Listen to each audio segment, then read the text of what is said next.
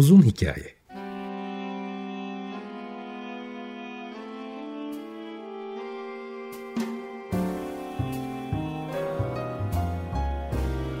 Sinir bilim, psikoloji, felsefe ve müzik.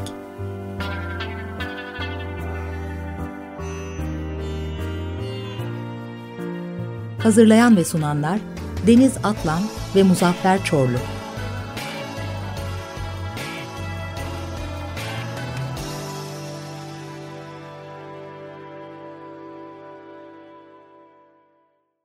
95.0 Açık Radyo'dan, Açık Radyo.com.tr ve onun uzun hikayesinden herkese selamlar. Bugün e, Deniz'le yapacağız programı ama Deniz'in hastalanması nedeniyle sesi çok güzel değil. O yüzden ben kendi müthiş sesimle açayım dedim. Deniz hoş geldin. Hoş bulduk, günaydın. Vallahi sen güzel açıyorsun ama e, şimdi şöyle bir şey oldu hakikaten hasta olduğun için e, ne kadar az nezleli ses giderse e, malum bizim programda şey de yok. Öyle e, artificial intelligence maymunlukları da yok. Dolayısıyla senin sesini hasta değilmiş gibi bir filtreden geçiremiyoruz. O yüzden ben açayım dedim müsaadenle. Çünkü ikimiz yaptığımız zaman sen açıyorsun, güzel de açıyorsun. E, bugün Deniz'le şunları konuşacağız. E, bir süredir zaten e, bu programlarda uzun hikaye e, program serisinde e, yapay zeka konuşuyoruz. E, çeşitli konuklarımız oluyor. Daha da olacak. Bugün Deniz'le beraber bir toparlama yapalım. Hem de e, gündelik hayatta e, nasıl bizi etkileyecek, nasıl etkilemeye devam ediyor hali hazırda, nasıl dönüşecek, artıları neler, eksileri neler diye konuşalım dedik. Değil mi Deniz? Evet, ben ufak bir girizgah yapabilirim şöyle. Ee, hani aslında bunu sen her programında da söylüyorsun. Hatta konukların da özellikle açıklıyorlar. Yapay zeka dendiğinde insanların kafasında inanılmaz böyle teknolojik e, uzay bilimi gibi bir şeyler canlanmasın. Vakıf olmayanlar için e, birazcık aslında gündelik hayatta neler nerelerde kullanıyoruz. Hatta farkında olmadan çok uzun süredir kullanıyoruz. E, örneğin e, en, en basitinden e, dizi film izlediğimiz platformlarda ya da şarkı, müzik dinlediğimiz platformlarda zaten algoritmalar tamamen bizim e, keyfimize, zevkimize ve e, damak tadımıza göre ürünleri önümüze getiriyor ve e, bunu bilmiyor olabilir pek çok kullanıcı ama çok uzun süredir aslında e, bu yapay zeka sayesinde daha keyifli hale geldi belki de bu aplikasyonları kullanmak. Öte yandan çok uzun süredir navigasyon kullanıyoruz ve e, neredeyse artık adres almaya bile ihtiyaç duymuyoruz. E, yüz tanıma uygulamaları artık neredeyse pek çok e, aplikasyon ve banka yüz tanımayı kullanmayı tercih ediyor. E, ve tabii ki de gündelik hayatta daha çok kullandığımız dijital ve kişisel asistanlar. Bunlar zaten pek çoğumuzun aslında 7-24 hayatında olan bir de akıllı ev cihazları bunu da söylemeyi unuttum. Akıllı telefonlarla başlatılabilen ve bitirilebilen fırınlar vesaire gibi. E, bunlar zaten gündelik hayatımızda var ama bugün daha detaylı bir şekilde sektörlere de biraz bölerek acaba neler olabilir diye de biraz fikir yürütelim istedik. İstersen şöyle yapalım. E, esas alanımız olan müzikten başlayalım. Daha önce e, müzik ve yapay zeka ilişkisine dair programlarda ara ara konuşmuştuk. Ama bugün biraz daha detaylı bir şekilde e, masaya yatıralım istiyorum. Tabii ki sen müzikle başlayıp bunu eminim ki film müziklerine de getireceksindir. Ve biraz da sanat bakış açısıyla hani genel sanata da e, yapay zekanın etkilerini e, tamamen senin kişisel fikirlerini, fikirlerini merak ediyorum ben açıkçası. Şimdi bugün e, ilk müzik olarak ben e, Ludwig van Beethoven'ın 7. senfonisinin ikinci bölümünü seçtim ve çok tesadüf. Gerçekten de sorduğun soruyla e, hani sanki bu soruyu sorarsan diye hazırlanmış gibi bir tesadüf oldu. Chat GPT'ye girip Beethoven'ın 7. senfoninin ikinci bölümü hakkında ne düşündüğünü sordum. E, tabii o cevaplar veriyor. E, ondan sonra tabii yani ben klasik gitarla ilgili soru sorsam da bana şey diyor. Klasik gitar tabii ki çok dokunaklı sesi olan falan. Ben de diyorum ki ben klasik gitaristim zaten. Ha öyle mi? O zaman işte işte e, ne çalıyorsun falan rapper diyorum ki Tarega. Tarega işte 20. yüzyıl romantik dönemin hani ya diyorum ki biliyorum ben klasik gitaristim diyorum. Tarega'nın tamamını da çaldım. E, evet Tarega'yı çaldıysan o zaman Giuliani karkasıyı da kaçırmaman lazım. Yani aslında komik durumlara düşmüş oluyor şu andaki haliyle. Çünkü e, ne kadar bir ekspertiz ile konuştuğunun farkında değil. Cevaplara rağmen ya da ben belki e, tecrübesiz olduğum için daha iyi soramıyor olabilirim. Fakat orada şey geldi aklıma. Beethoven'ın 7. senfonisinin ikinci bölümünü dinleyen, hani sen biraz önce dedin ki Netflix'te işte film veya dizi seçtiğimiz zaman orada bir algoritma bize bir sonrakiyle ilgili bir öneride bulunuyor. Ya da sen bunu seyrettiğine göre bunu da seyredersin. Şimdi orada ne kadar data olursa olsun, e, tabii bu ileride düzelecektir ama Neyse mesela işte bazı e, ürünlerin yanına o ürünlerin alındığı takdirde şu ürünleri de alabilecek diye marketçiler zaten düşünüyor bunu. Bakkallar bile düşünüyor. Yani fasulyenin yanına pirinci koyabiliyor. Sonuçta bunlar ilişkili. Fakat hani fazla parametre olduğu zaman örneğin Beethoven 7. senfonisinin ikinci bölümünü ben hangi motivasyonla dinliyorum? Beethoven olduğu için mi dinliyorum? Senfonisi olduğu için mi dinliyorum? E, klasik olmayan bir ikinci bölümü olduğu için mi dinliyorum? Yoksa Beethoven'ın e, özellikle savaşlardan sonra ya da işte böyle kahramanlıkla ilgili e, bestelediği şeyler var. İşte bir üvertüller var, Wellington var, 3. senfonisi var, 7. senfonisinin bir bölümü var. Bunlar bazı e, Napolyonik savaşlardan sonra bestelenmiş. Ben hangi parametreye göre bunu seçtim? Bunu şimdilik bilemiyor çünkü bir soru bir cevap. Fakat tabii üst üste bu bilgiler eklendikçe, benim datam oluştukça çok daha custom made yapabiliyor. Şimdi dolayısıyla e, tahmin ediyorum, bunu tabii IT'ciler ve e, yapay zeka uzmanları bilir. Benim kendi bakış açımdan e, ekspertiz oldukça kişi e, tahmin ediyorum şimdilik yapay zekanın bazı işte bu chat GPT soru cevapları gibi çok yeterli olmuyordur gibi hissediyorum. Ben kendi tecrübem bunu söylüyor ama e, konudan e, o kadar e, iştigal etmemiş birisi ya da amatör birisi çok yararlanabilir tabii. Dolayısıyla benim birinci şerhim o. Ne kadar büyük yani ince ekspertiz birisi e, bilgi almak isterse o kadar hayal kırıklığına uğrayabiliyor. Şimdilik onlar da düzelecek. Fakat sonuçta bu belki de hani zararları ya da muhtemel riskleri konusunda konuşacağımız bir şey var. O da e, kişiselleştirilirken, bir şey kastimize edilirken e, çok genel geçer bilgiler kullanıldığı için e, işte şu filmi seyreden bu filmi de seyretti. Dolayısıyla sen %91 oranında bunu seversin gibi bir şey e, bir takım parametreleri dışarıda bırakıyor. Fakat heyecan verici tarafları var. Mesela ben e, en son gene bu programlar serisinde bir şeye takıldım. Rembrandt Huis vardı e, Amsterdam'da. E, Van Gogh'un müzesi gibi Rembrandt'ın müzesinin adı da Rembrandt Huis, Rembrandt evi yani. E, orada e, işte bir banka işbirliğiyle bütün Rembrandt'ın resimleri e, nano düzeyde inceleniyor. Yani fırça darbeleri, işte dudak, ağız oranları, e, kullanılan renk frekansları, renk geçişleri ve hatta tablonun üzerindeki o minicik çıkıntılar var ya boyaların, fırça darbelerin oluşturduğu o topografyası öyle nano ölçüde çıkartılıyor ki sonraki aynı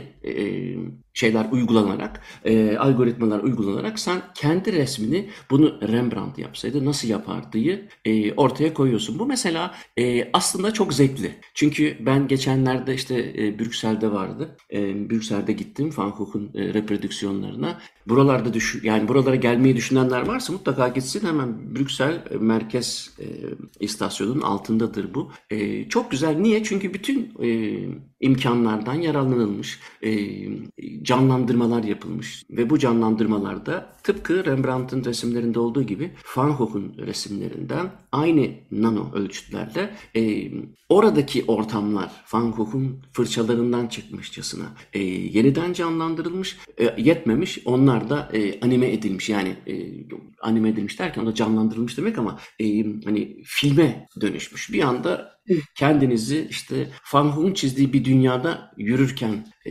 görüyorsunuz. Bu tabii hani aynı zamanda şimdi o özel gözlüklerle de yapılıyor biliyor ama bunlar bence mesela çok yararlı bulduğum şeyler. Neden? Çocuklardan gençlere kadar yani herkes e, daha çok e, sanatın e, keyfini çıkartmaya başladı. Bilmiyorum sanat tarihçileri ya da bu tür e, resim sanatının eleştirmenleri nasıl bakar bilmiyorum ama ben buna pozitif bakıyorum. Dolayısıyla e, yani suyu çıkarılmadıktan sonra bu uygulamalarla e, çok daha fazla insanın ilgisini çekiyor. Bir o kadar da ben mesela e, Caravaggio'yu baktım var mı diye. Henüz bulamadım ama yaparlar. Mesela sevdiğiniz herhangi bir e, ressamın ya da müzisyenin stilini öğrenmek, stilinin e, o e, gizemli taraflarını görmek e, bence çok hoş mesela. E, onlar şimdi satılıyor bile. Ben bu arada hani e, yeni neler var? Bu AI tools'lara baktım işte yapay zeka araçlarıdır herhalde Türkçesi. O 151 tanesini inceledim. Sanatlarımı aldım. E, ama neler neler var onları da konuşuruz istersen. Yani benim bakışım şu.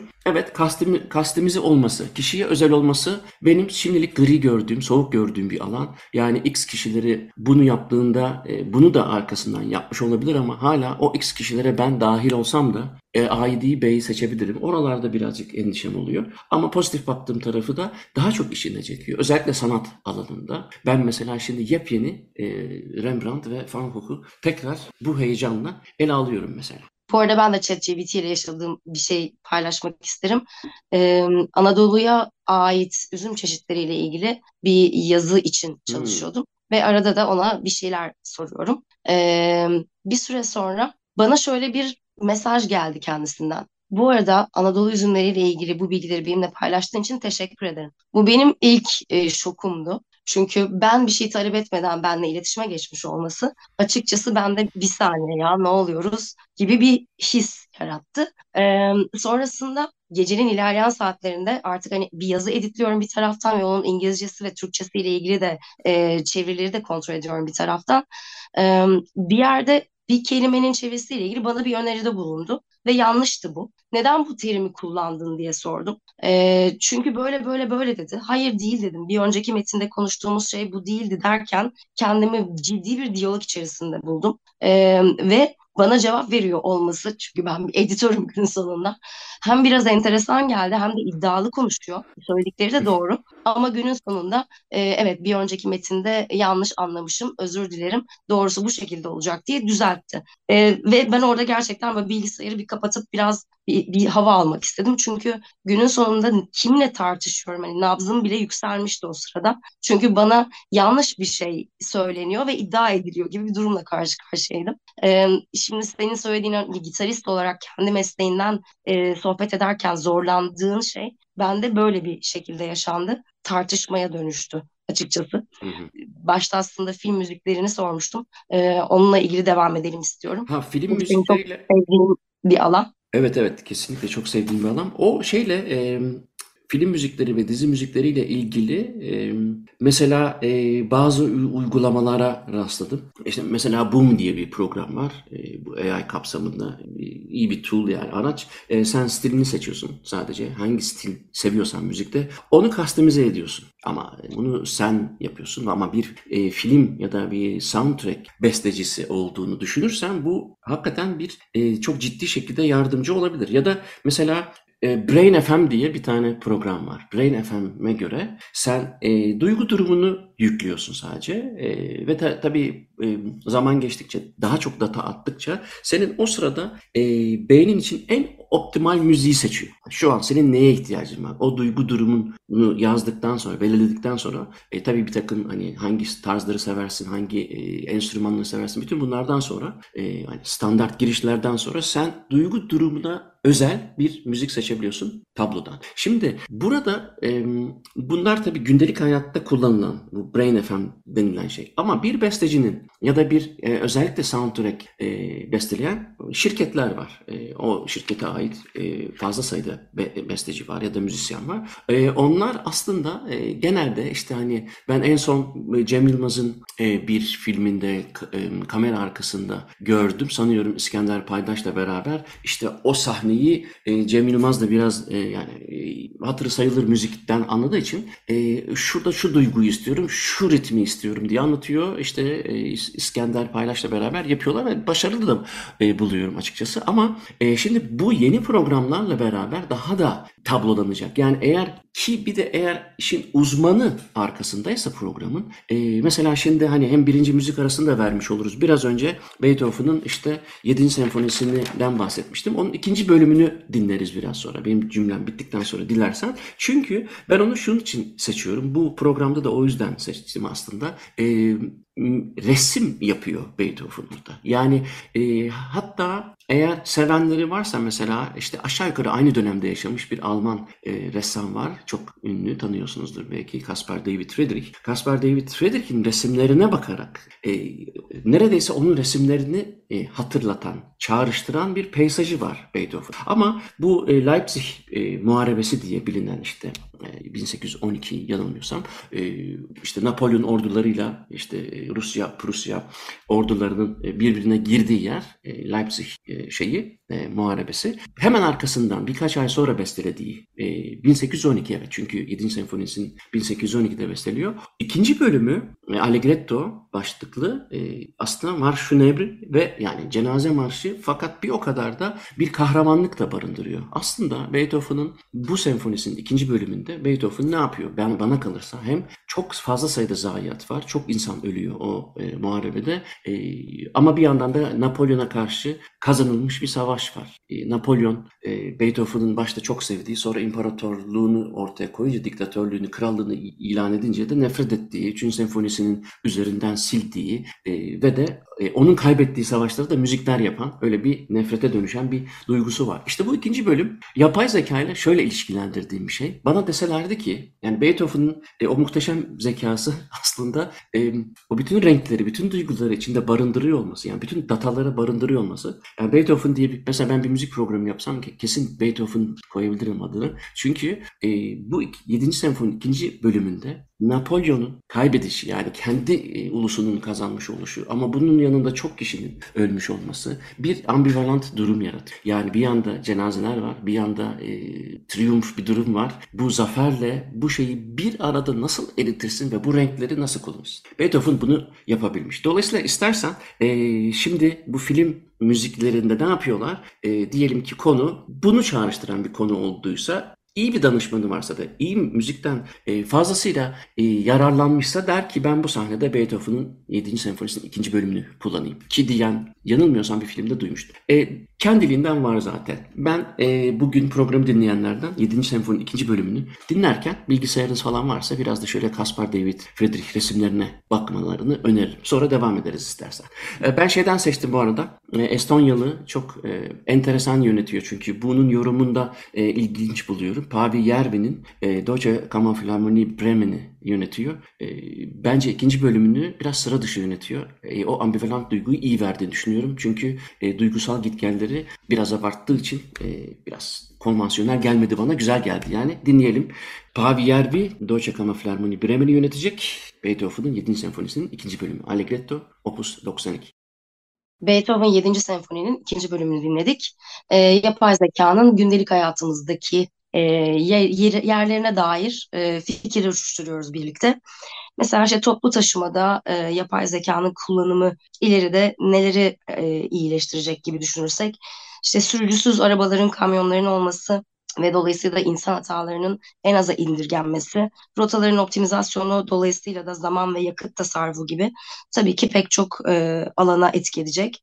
E, gene insansız teslimatlar e, bunların en önemli artılarından olacak. E, tarım konusunda e, tabii ki verimi tahmin etmek, havayı tahmin etmek, havayı tahmin ederken toprağın kuruluğunu ve pH'ını ölçüp ona göre sulamak veya e, yine insansız e, hasat yapımı, e, gübrelenmesi ve tabii ki de tohumlanması gibi gene pek çok alanda e, artı sağlaması bekleniyor. İnsan kaynaklarında ise hızlı bir özgeçmiş taraması, e, sonrasında iş gücü planlaması ve işe alım süreçlerinde ciddi vakit kazandırması bekleniyor. Orada bir virgül koyabilir misin? Çünkü onu tabii. unutmadan e, şimdi insan kaynakları gibi bazı e, stratejik noktalarda çalışan insanlar şimdi senin CV'ni inceleyebilir tabii ki. Yani CV yazımları da değişecektir ama şimdi e, hemen hemen herkes bir takım sosyal medyalarda boy gösteriyor. Hiçbir şey paylaşmasa bile şunu beğeniyor, bunu beğenmiyor vesaire. E, ben orada mesela çok ciddi bir e, özel hayatın şeyine e, girileceğini düşünüyorum mahremiyetine. Çünkü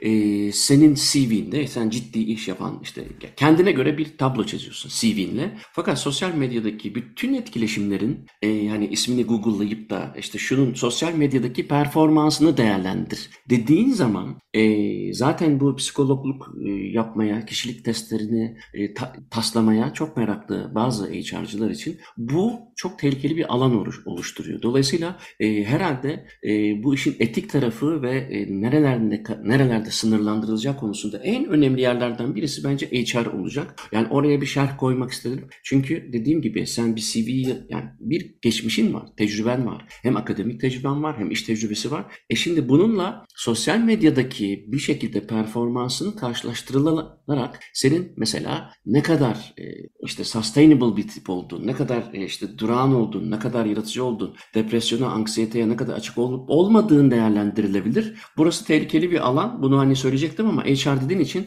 özellikle burada onu tehlikeli buluyorum. Çünkü normalde senin CV'ni alır senin de karşına oturtturur ve orada bir grup insanla e, mülakat yaparken e, işte seni birazcık aslında test eder. Yani nesin, ne değilsin, e, anlık çıkışların neler, işte ileride bizim başımıza nasıl işler açabilir gibi bir takım testler yapılır orada. E, ama onu eğer sosyal medyadaki platformunda, yani o platformlardaki performansına göre yapacak olurlarsa ki yapacaklar, işte o zaman e, iş bir takım kötü yerlere gider gibi geliyor. Pardon kö- e, kestim ama orası önemliydi çünkü.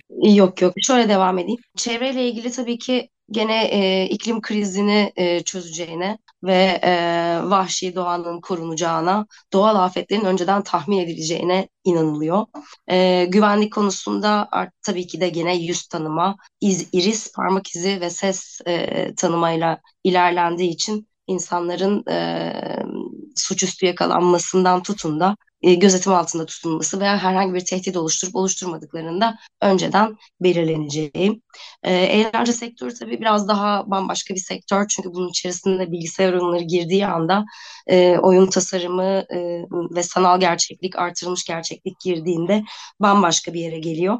E, ama Yine sanat konusuna çok kısa bir bakarsak, e, demin senin de bahsettiğin gibi etkileşimli enstalasyonlar, sanal konserler belki de pek çok kişi için e, ulaşılmaz olanı ulaşılır kılabiliyor olacak ki hal şu anda hali hazırda da öyle zaten. Eğitim kısmındaysa yine demin söylediğim gibi e, dil çeviri programları sayesinde normalde pek çok şeye ulaşamayacak olan kitlelerin e, eğitim hakkına sahip olması tabii ki bir artı. Öte yandan e, ileriki seviyelerde her öğrencinin yeteneğine, kapasitesine özel derslerin programlanması ve buna göre yetiştirilmesi e, yine akıl, yapay zekanın e, beklenen artıları arasında. Dilersen orada ben şu eklemeyi de yapayım dersler ve eğitim demişken sen e, bu yapay zeka ile ilgili olarak ben kabaca iki kategori görüyorum. E, bunlardan bir tanesi e, derslere yardımcı olması maksadıyla tabii ki bu aslında Google bile sonuçta e, bu işe yarıyor. Ama çok kompleks olmayan işte Otter benim gördüğüm ve Samurai gibi ya da Samurai. Otter mesela hani ben hatırlıyorum ben psikoloji okurken bizim gelişim psikolojisi vardı. 3 yıl sürmüştü ve 3 yıl boyunca o dönemin hocası e, okumuştu. Ve biz de onu okudun, yazıyorduk. Yani dünyada herhalde olabilecek en hantal eğitim biçimi ve e, hakikaten psikoloji alanındaki en önemli derslerden bir tanesi. Yani e, çocuğun anne karnından e, 10 küsür yaşlarına gelene kadar, 12 yaşına gelene kadar neredeyse saat saat gelişim psikolojisini okuduk ve 3 yıl sürdü bu. E, ve şimdi Otter denen bir program var. Yani e, indiriyorsunuz telefonunuza. E, hoca anlatsın. Sen onu aç. O sonuçta kaydedecek ve de notları da alacak. Samurai'ya da bağlayacaksın. E, bu bütün dersin önemli kısımlarını senin için özetleyecek. Sen böylece daha çok e, dersi derste öğrenmek açısından zaman kazanmış olacaksın. Bunlar iyi. E, ama hani iki kısma ayırıyorum dedim ya. Birisi yardımcı tool'lar ama birisi de yardımcı olma sebebi heyecanlı hale getirmesi. Mesela en çok bazı kişiler tarihi çok sever. Mesela ben de çok severim ama e, çoğu öğrenciler tarih dersinden sıkılır. Hele ki işleyiş biçimi de eğer kötüyse sıkılır. Mesela Hello History diye bir e, yapay zeka uygulaması var. Buna göre mesela sen tarihteki o figürlerle konuşuyorsun. İşte diyorsun ki merhaba Fatih Sultan Mehmet ne haber? İyidir senden ne haber? Ya bir şey soracağım. Sen İstanbul alırken şu e, Macar topçusuyla e, nasıl anlaştın yani? Onlar niye Bizans'a satmadı da bize sattı gibi? Ya da işte Napolyon'a diyorsun ki sen bu bizim şeyde çok pis kaybettin işte Waterloo'da ne oldu falan. E, hakikaten girip de yaptım da zaten.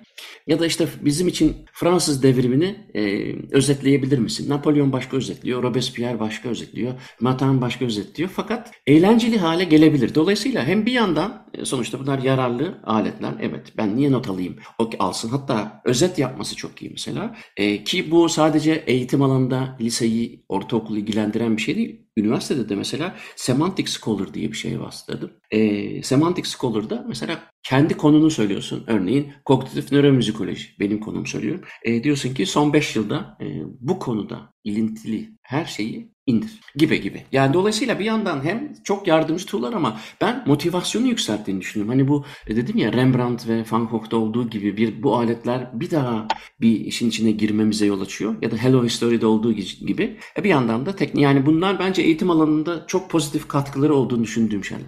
Ama tabii işte bunlar konuşulunca benim aklıma şöyle bir şey geliyor. okey yani 42 yaşında bir insan olarak eski jenerasyon sayılırım ama neredeyse bütün hayatım e, okuduğunun özetini çıkartmakla geçtiği için hani şu anda hani ChatGPT'ye e, şu kitabın bana 5 paragraflık ya da 3 paragraflık e, ya da tam olarak 16 Word sayfası e, ve şu kadar kelime özetini çıkart dediğinde çıkarıyor olması e, bir taraftan yıllarca biraz e, acaba ahmak yerine mi konulduk gibi bir hissi var bende.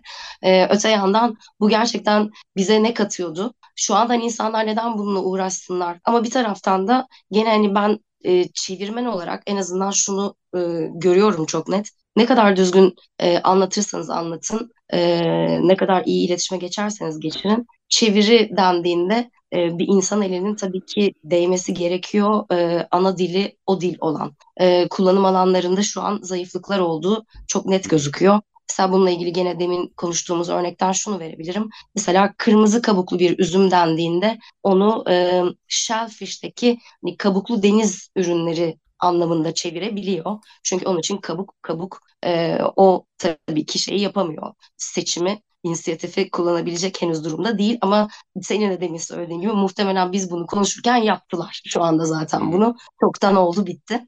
E, son olarak bir sağlık konusuna gelecektim zaten deminki. İstersen e, şöyle yapalım Deniz. E, bir müzik daha dinleyelim. E, ondan sonra e, sağlığı konuşuruz. Bir de ben e, şimdiden söyleyeyim. E, bu eleştirilerle ilgili ben bir e, hem kognitif tarafını e, sonuçta bu bir e, biz daha çok aletlere güvendikçe bir external hardware yaratıyoruz. Dolayısıyla bize daha çok zaman mı kalıyor yoksa da biz aslında bazı önemli beyin fonksiyonlarını kullanmadığımız için başka türlü bir yere doğru mu gidecek kognitif evrim? Onu da konuşuruz diye şimdiden söyleyeyim ama bir karavan dinleyelim. Bunu da şeyden seçtim. Whiplash filminde John Wasson düzenlemiş. Aslında Juan Tizol ve Duke Ellington'ın bestesi. Şimdi caz standartları arasında. 1936'da New York'ta bestelemişler. E, ve de tam da işte o filmin New York sahnesine de yerleştirdikleri için güzel de olmuş. Orijinal versiyonu e, 4-5 dakika ama bu e, John Masson'ın film versiyonu biraz uzun. Vaktimize göre e, onu dinleriz. Sonra devam edelim. Duke Ellington'ın Karavan'ını dinledik. Yapay zekanın gündelik hayatımızdaki yerini ve gelecekte neler olabileceğine dair fikirler uçuşturuyoruz Muzaffer'le birlikte. Sağlık sektörüne girecektim ben. Sağlık sektörü tabii ki öncelikle erken tanı teşhis, tedavi makinelerinin gelişimi gibi pek çok açıdan e, bizi ileri taşıyacak. Ama en önemlisi e, normal şartlarda bir kan testi yapıldığında herkesin aşağı yukarı şöyle bir ortalamada D vitamini olması lazım, C vitamini olması lazım gibi şeyler tarihe karışıyor. Çünkü artık Muzaffer'in tam olarak günde kaç gram C vitamine ihtiyacı var e, rahatlıkla ölçülebiliyor.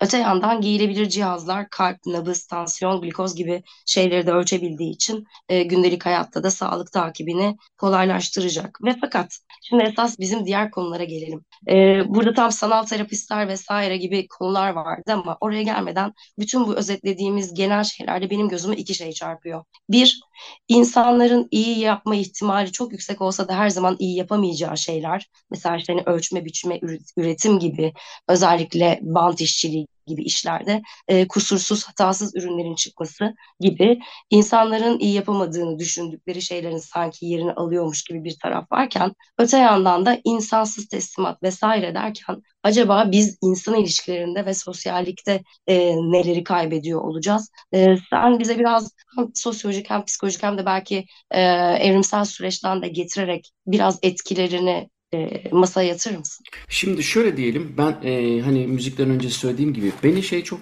ilgilendiriyor. E, sonuçta biz herhangi bir problem çözmek zorunda kalmış insanlarız, canlılarız. Bir sürü canlının e, kendine özel problemleri var e, ve de o problemleri çözmek zorunda kaldıklarına göre geçtirdikleri e, stratejiler var ve bu stratejilerde genlerle aktarılmış, giderek daha iyisi bulunmuş. Bulunamadıysa da o canlının, o türün e, yok oluşuna neden olmuş. Dolayısıyla şu anda hali hazırdaki stratejilerimiz bizim hayatta kalmak için e, stratejilerimiz o kadar hızla değişmek zorunda kalıyor ki ama acaba e, beynin özellikle kognitif süreçlerin evrimi buna hazır mı? Eğer hazır değilse nasıl baş edebiliyor? Ben hazır olmadığına ilişkin çok şey okuyorum. Gör, gözle görünüyor. Kaldı ki daha bundan biz seninle hatırlıyorum Kadıköy'de bundan çok yıllar olmuştur belki ama çok iyi hatırlıyorum. E, Kadife sokakta bir yerde şey konuşuyorduk. Diyorduk ki telefonlar görüntülü olacak. Yani e, daha ilk cep telefonları var falan. E, ya ne kadar Şimdi şimdi halimize gülüyoruz. Yani yani bir insanın artık bir ömrü bu gelişme hızına bakıldığı zaman her insanın bir e, Australopithecus, kendi içinde Neandertal, kendi içinde Homo sapiens falan oluyor. Yani her insan şimdi dönüp yaşı diyelim ki 30 olanlar 15 yaşında elinde olanlara bir baksın. Yaşı 50 olanlar 20 yaşında elinde olanlara baksın. Öyle büyük bir fark var. Ama biz bunların çalışma prensiplerini anlamıyoruz. Eğer özel ilgimiz yoksa, merak etmiyorsak ya da işimizin bir parçası değilse. Yani nasıl oluyor da ben buradan şuna basıyorum da şuradan şu oluyor da bilmem ne bilmeden yapıyoruz. Dolayısıyla bir sürü o başta söylediğim stratejiyi, e, hayatta kalmaya yönelik stratejiyi biz e, e, outsource yapmaya başladık. Yani telefonumuz mesela hani e, ne bileyim bir şey dinleyeceğim mesela ben özet yaptım. Şöyle diyeyim. Diyelim ki bana işte şu kitabın Ulysses'in özetini yap. Tak yaptı. Ondan sonra önemli noktalarını işte 3 paragraf halinde anlat. Onu yaptı. Ondan sonra bir de gidiyorum UberDutch diye bir e, UberDuck diye bir e, yapay zeka uygulaması var. Ona da diyorum ki 5000 tane ses veriyor bana. E, premium üyeysem. Diyorum ki şu sesle bunları bir de oku. Yani bir de tüy dik yani e, neredeyse o olacak. Bütün bunlar bize stratejik olarak lüks geliyor. E, fakat bizi başka türlü düşünmeye itiyor. Yani e, ben bunu nasıl yaparım mı daha az soruyoruz artık. Neyi yapayım sorusu daha öne çıkıyor. Bu bence yıllar içerisinde insan kognisyonunu değiştirecektir. Yani strateji geliştirmek yerine bizim adımıza geliştirilmiş bir strateji olacak. Bizim stratejimiz ise olsa olsa bu stratejilerden hangisini kullanayım olabilir. Dolayısıyla yeni bilgi aslında bilgilerden hangisini seçmeye yönelik olacak biz sıradan insanlar için. Dolayısıyla da yani düşünsene Lyric Studio var bilmiyorum duydun mu?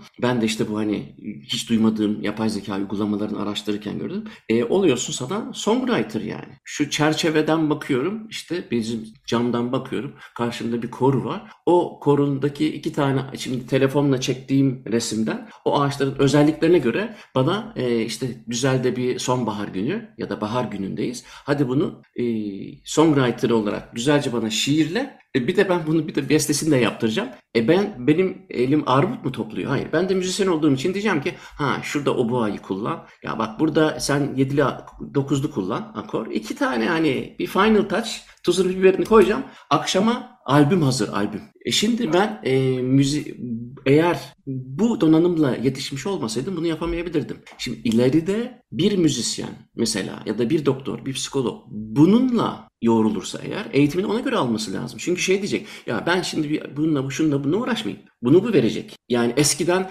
bu kemanın sesini ya da bu gitarın sesini nasıl daha volümlü yapabilirim diye düşünüyordu 1830'larda Antonio Torres. Şimdi şu mikrofonu koyuyorsun ya da hangi mikrofonu koyuyorsun o e, neredeyse birebir e, ses yükselten klasik gitar amfileri var. E, yani Antonio Torres boşuna mı uğraşmış oldu? Evet artık boşuna uğraşmış oldu. Dolayısıyla ben hardware'ın external olduğu sürece yani stratejileri dışarıya yüklediğimiz için bizim düşünme biçimimizin değişeceğini ben çok eminim.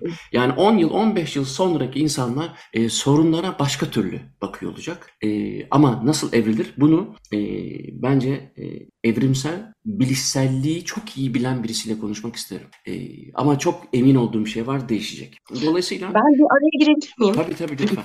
Bir yandan da şöyle bir şey düşünüyorum. Tabii hani bu da araştırılacaktır ve muhtemelen çok yakın zamanda önümüze gelecektir ama e, gerçekten belli bir yaşın üzerindeki ve ikimizin hani ortak paydası olduğu için e, bu örnekten gideyim. E, klasik gitarist, müzisyen dolayısıyla da sanatın e, pek çok alanına hakim ama genelde de e, hani daha bir old school e, tipleriz biz günün sonunda. Ve e, ben hala analog kay- kayıttaki e, kemanın entonasyonundan keyif alan bir insan olarak işte sen eminim ki piyanistin e, ayak çıtırtısından, nefesinden keyif alan biri olarak. E, bir yandan bu kadar ileri teknolojiye giderken bir yandan da sadece sen ben değiliz. Bunu çok net bir şekilde çevremde de görüyorum. Yönetmen arkadaşlarım gidip şu anda e, analog kameralar almaya başladılar. Fotoğrafçılar analog fotoğraf makinelerine daha fazla yöneldiler. Böyle bir geçmişe özlem yarattığını da düşünüyorum açıkçası. Sen de böyle gözlemliyor musun? Kesinlikle öyle gözlemliyorum. Hem de dik alansla. Çünkü e, ben şimdi mesela demin Antonio Torres gitarlardan örnek verdim ya da benim işte benim gitarlarım diyelim ki e, gerçekten küçük konser salonlarında 250-300 kişilik konser salonlarında iyi akustik de varsa e, çalıcı da iyi bir performansa e, 200-300 kişiye nefis bir konser veriyor. E şimdi 8 milyar olduk diye konser salonları 2000 kişi hadi mikrofon. Yani buna karşı değilim ama korkunç şekilde e, sayımız artıyor. E, işte dünyadaki kaynaklar belli. Üstelik giderek azalan kaynaklar belli ve de insan sayısı da giderek artıyor. 8 milyarı da geçtik. Hızla gidiyoruz. Çünkü sağlığımıza dikkat ediyoruz. İşte tekni, teknoloji bizi daha çok uzun yaşatıyor falan filan. Yani e, işimiz giderek zorlaşıyor ve biz bunun çözümü olarak da teknolojiden yararlanıyoruz. Buna tabii ki karşı olmak mümkün değil ama e, old school dedin. E, ben hala o 200 kişilik konser salonlarında ne yapalım bilet fiyatı pahalı olsun yapılacak bir şey yok yani. 3000 kişinin de aynı anda ne bu, bu konserde kaçırı vereyim yani. Bilet olmasın. Gidip sabahleyin gireyim 8'de interneti açayım ilk bilet almak zorunda kalayım. Yani tamam şey de olsun tabii 100 bin kişilik stadyumlarda işte Freddie Mercury'nin şeyin yaptığı konserler olduğu gibi Afrika Aid konserleri gibi onlar da olsun. Ama otantisitesi o kadar çok şeyin kaçıyor ki yani hangi kim plak alıyor? 3 kişi alıyordur. Kim gramofon dinliyor? 4 kişi dinliyordur. Yani. Öyle bunun bir endüstrisi ancak hani pul koleksiyonculuğu düzeyine kadar indi. E ben ona üzülüyorum. Çünkü öyle, bu ezine peyniri gibi bir şey bu yani. Bana, bana ne şimdi o artificial intelligence? Yani ya, yani her şeyin suyu çıktığı gibi bunun da çıkıyor. İşte müzikte mesela ben gerçekten de dinledim. Baha birebir benziyor. Tamam. Eğer Bach'ın bütün eserlerini bilmiyorsan şey diyebilirsin. Ya bu galiba Bach'ın Fransız süitlerinden kurant olabilir ama şimdi ben hepsini altısında dinlediğim için bu, bu oradan değil diyebilirim ben ama bir başkası şey diyebilir. Olabilir. E yani bu çok mu heyecan verici bir şey? Bence heyecan verici bir şey değil gibi geliyor bana. Ee, tam senin hikayene geleceğim. Kişisel Yapay zekaya sorduk tehlikeleri neymiş kendisi bize ne cevap verdi. Ya biz çok da bir daha hassas noktalara değiniyoruz. İşte ins- acaba yaratıcılığımızı biraz da olsa işte şey yapar mı, kısıtlar mı, hafızamızı etkiler mi gibi şeylerdeyiz ama e, onun bize verdiği cevaplara bir bakalım. E, potansiyel olarak çeşitli tehlikeler içerebilir ve en yaygın endişeler diye birkaç madde e, yazdı. Birincisi işsizlik, zaten bunu hep konuşuyoruz. İkincisi ön yargı ve ayrımcılık. Çünkü yapay zeka algoritmaları verilerine dayalı olarak ön yargı ve ayrımcılık içerebilir. Hı hı. Eğer algoritma geçmişte ayrımcı uygulamaların olduğu verilerle eğitilmiş, bu ön yargıları yansıtabilir ve haksızlık yapabilir. Örneğin bir istihdam sürecinde cinsiyet, ırk veya diğer kişisel özelliklere dayalı ayrımcılığa yol açabilir. Tam da senin söylediğin şeydi zaten bu. Ee, İK konusunda e, ciddi bir problem olabilir demiştin. Evet. E, aynı şekilde gizlilik ihlallerinden bahsediyor. Tabii ki de verilerin kötü kişiler ve kurumlar tarafından ele geçirilmesi, dolayısıyla da bireylerin mahremiyetinin tehlikeye atılması söz konusu olabilir. Kontrol kaybı diyor. E, çünkü bu tür sistemlerin davranışlarını tamamen anlamak ve kontrol etmek zor olabilir. Yapay zeka sistemlerinin beklenmeyen şekillerde davranması veya hatalı kararlar alması ciddi sonuçlara yol açabilir. Özellikle kritik sistemlerde, örneğin sürücüsüz arabalar veya tıbbi tanı sistemleri yaşanacak olan hatalar insan hayatını doğrudan etkileyebilir. Bunu ben demiyorum. Kendisi diyor. Bunu yapay zekadır. Toplumsal ve etik sorunlar burada da e, iş gücü dinamiklerinin değişmesiyle birlikte bazı meslek gruplarının tabii ki ortadan kalkması, zanaatkarlığın kaybolması gibi aslında çok ciddi e, şeyleri etkileyebilecek bir takım problemlerle yüz yüzeyiz. Ben bu arada yanlış anlaşılmasın, yaratıcılığı e, azaltır e, gibi anlaşıldıysa söylediklerim, hayır ona katılmıyorum. E, yönü değişecek. Çünkü şimdi Songwriter diye bir program var ya da işte hani e, Studio Lyrics diye bir program var. Lyrics Lyric Studio diye program var. E, bunlar zaten belirli, hakikaten hiç de fena olmayan şeyler yapıyor. Fakat insanın buradaki e, bu hani mücadeleyi seven, tırnak içinde challenge seven insan evladı e, zaten o programı yaptığından iyisini yapacak. Dolayısıyla şimdiki e, yani şu anda bestecilerin ya da işte ressamların, sanatçı herhangi bir sanatın herhangi bir dalındaki üreten insanların, e, yaratıcı insanların stratejileri değişecektir. Çünkü neden kendisinin yapabildiğini e, kolaylıkla yapabilen bir yapay zeka e, tool'uyla savaşsın ki? E, dolayısıyla yeni bir şey üretip o teknolojinin önüne geçecektir insan. Ona inanıyorum. Dolayısıyla o teknolojiyi sen tekrar kastemize etmek zorunda kalacaksın. Kalibre etmek zorunda kalacaksın. Çünkü tamam Be- Beethoven'ı kopyaladın. Çünkü Beethoven'ın e, işte, işte atıyorum 100, 130 civarı eseri var. Ya da bakın 1067, es- 1080 eseri var. Mozart'ın 657 eseri, 26 eseri var. Hepsini aldın, yükledin ve bir bir şey çıkarttın oradan. Beethoven olsa bunu nasıl yazar diye çıkarttın. Peki e, ama bu kadar veriden sonra, bu kadar bilgiden sonra bunu yapmak artık çok büyük sürpriz olmasa gerek. Şimdi dolayısıyla şimdiki bestecinin, ressamın, heykeltıraşın, mimarın, e, aşçının, üreten ve yaratıcılığına güvenen kişinin geliştireceği stratejilerle e, yapay zekayı alt edeceğini, e, yani hali hazırdaki programları alt edeceğini düşünüyorum. Sonra onlar da tabii e, onları e, yapabilecek vesaire vesaire. Yani bence insanlığın yaratıcılığı, kognitif süreçleri 10 yıl içerisinde e, değişecektir diye e, düşünmek mantıklı geliyor bana. Öyle de bitirelim Evet, isteriz. sanat, evet, e, ya sanat konusunu daha önce aslında birkaç yere yazmıştık seninle ve e, orada da günün sonunda hep vardığımız konu şu oluyor. E, sanatçılar özellikle hangi alanda olduğu hiç önemli değil. E, görsel, işitsel, sahne sanatları vesaire. E, mesela operaların çok daha büyük dekorlarda olabileceğini konuşmuştuk ya da heykeltıraşların normalde yapamayacağı büyüklükte ya da e, genişlikte ürünler üretebileceğini söylemiştik. Dolayısıyla aslında yaratıcılığa alan açması gibi şeyler söz konusu. Normalde hayal edip belki de gerçekleştiremeyeceğimiz şeyleri gerçekleştirebilmek anlamında da katkı sağlaması mümkün.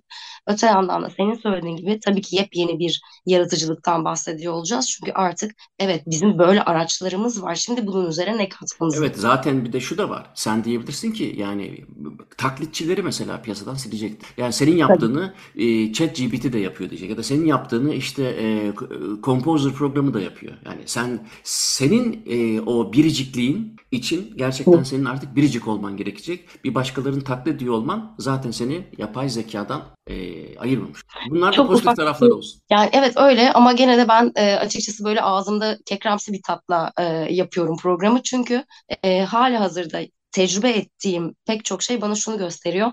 E, çevremdeki çok farklı sektörden bir sürü insan gerçekten sanki sadece şu e, herkesin kullanabildiği ücretsiz olan ChatGPT ile bile e, basın bültenleri yazabileceğine ya da işte e, içerik üretebileceğine vesaire inanıyor. Çünkü üretiyor evet E, ama hani en azından tekrardan sanatsal içerikli ya da yazarlık yeteneğini gerektirecek dil cambazlığı gibi şeylerin farkına varabiliriz diye düşünüyorum. Bu benim için yani ciddi bir tehlike. Kendi en azından sektörüm açısından. Bu da benim son sözüm olsun. Programı Okey. kapatıyorum. Tamam. Güzel oldu. Yani e, aslında şarlatanların da belki e, maskesi de düşmüş olacak. Çünkü hakikaten e, bizi çok değişik şeyler bekliyor. Yapay zeka ile ilgili program dizimiz zaten e, hem Spotify'da hem Muzaffer Çorlu YouTube kanalında bulabilirsiniz. Uzmanlarıyla e, alanları çok daha derinlemesine incelediğimiz programlar hepsi orada. E, bize ulaşmak için muzafferçorlu.gmail veya denizatmet.gmail adresine yazabilirsiniz. Açık Radyo bu programı Spotify'a koyacak. Yapay zeka konulu bütün programları tekrar Muzaffer Çorlu YouTube kanalından ulaşabileceğinizi hatırlatır ve hepinize günaydın derim. Günaydın.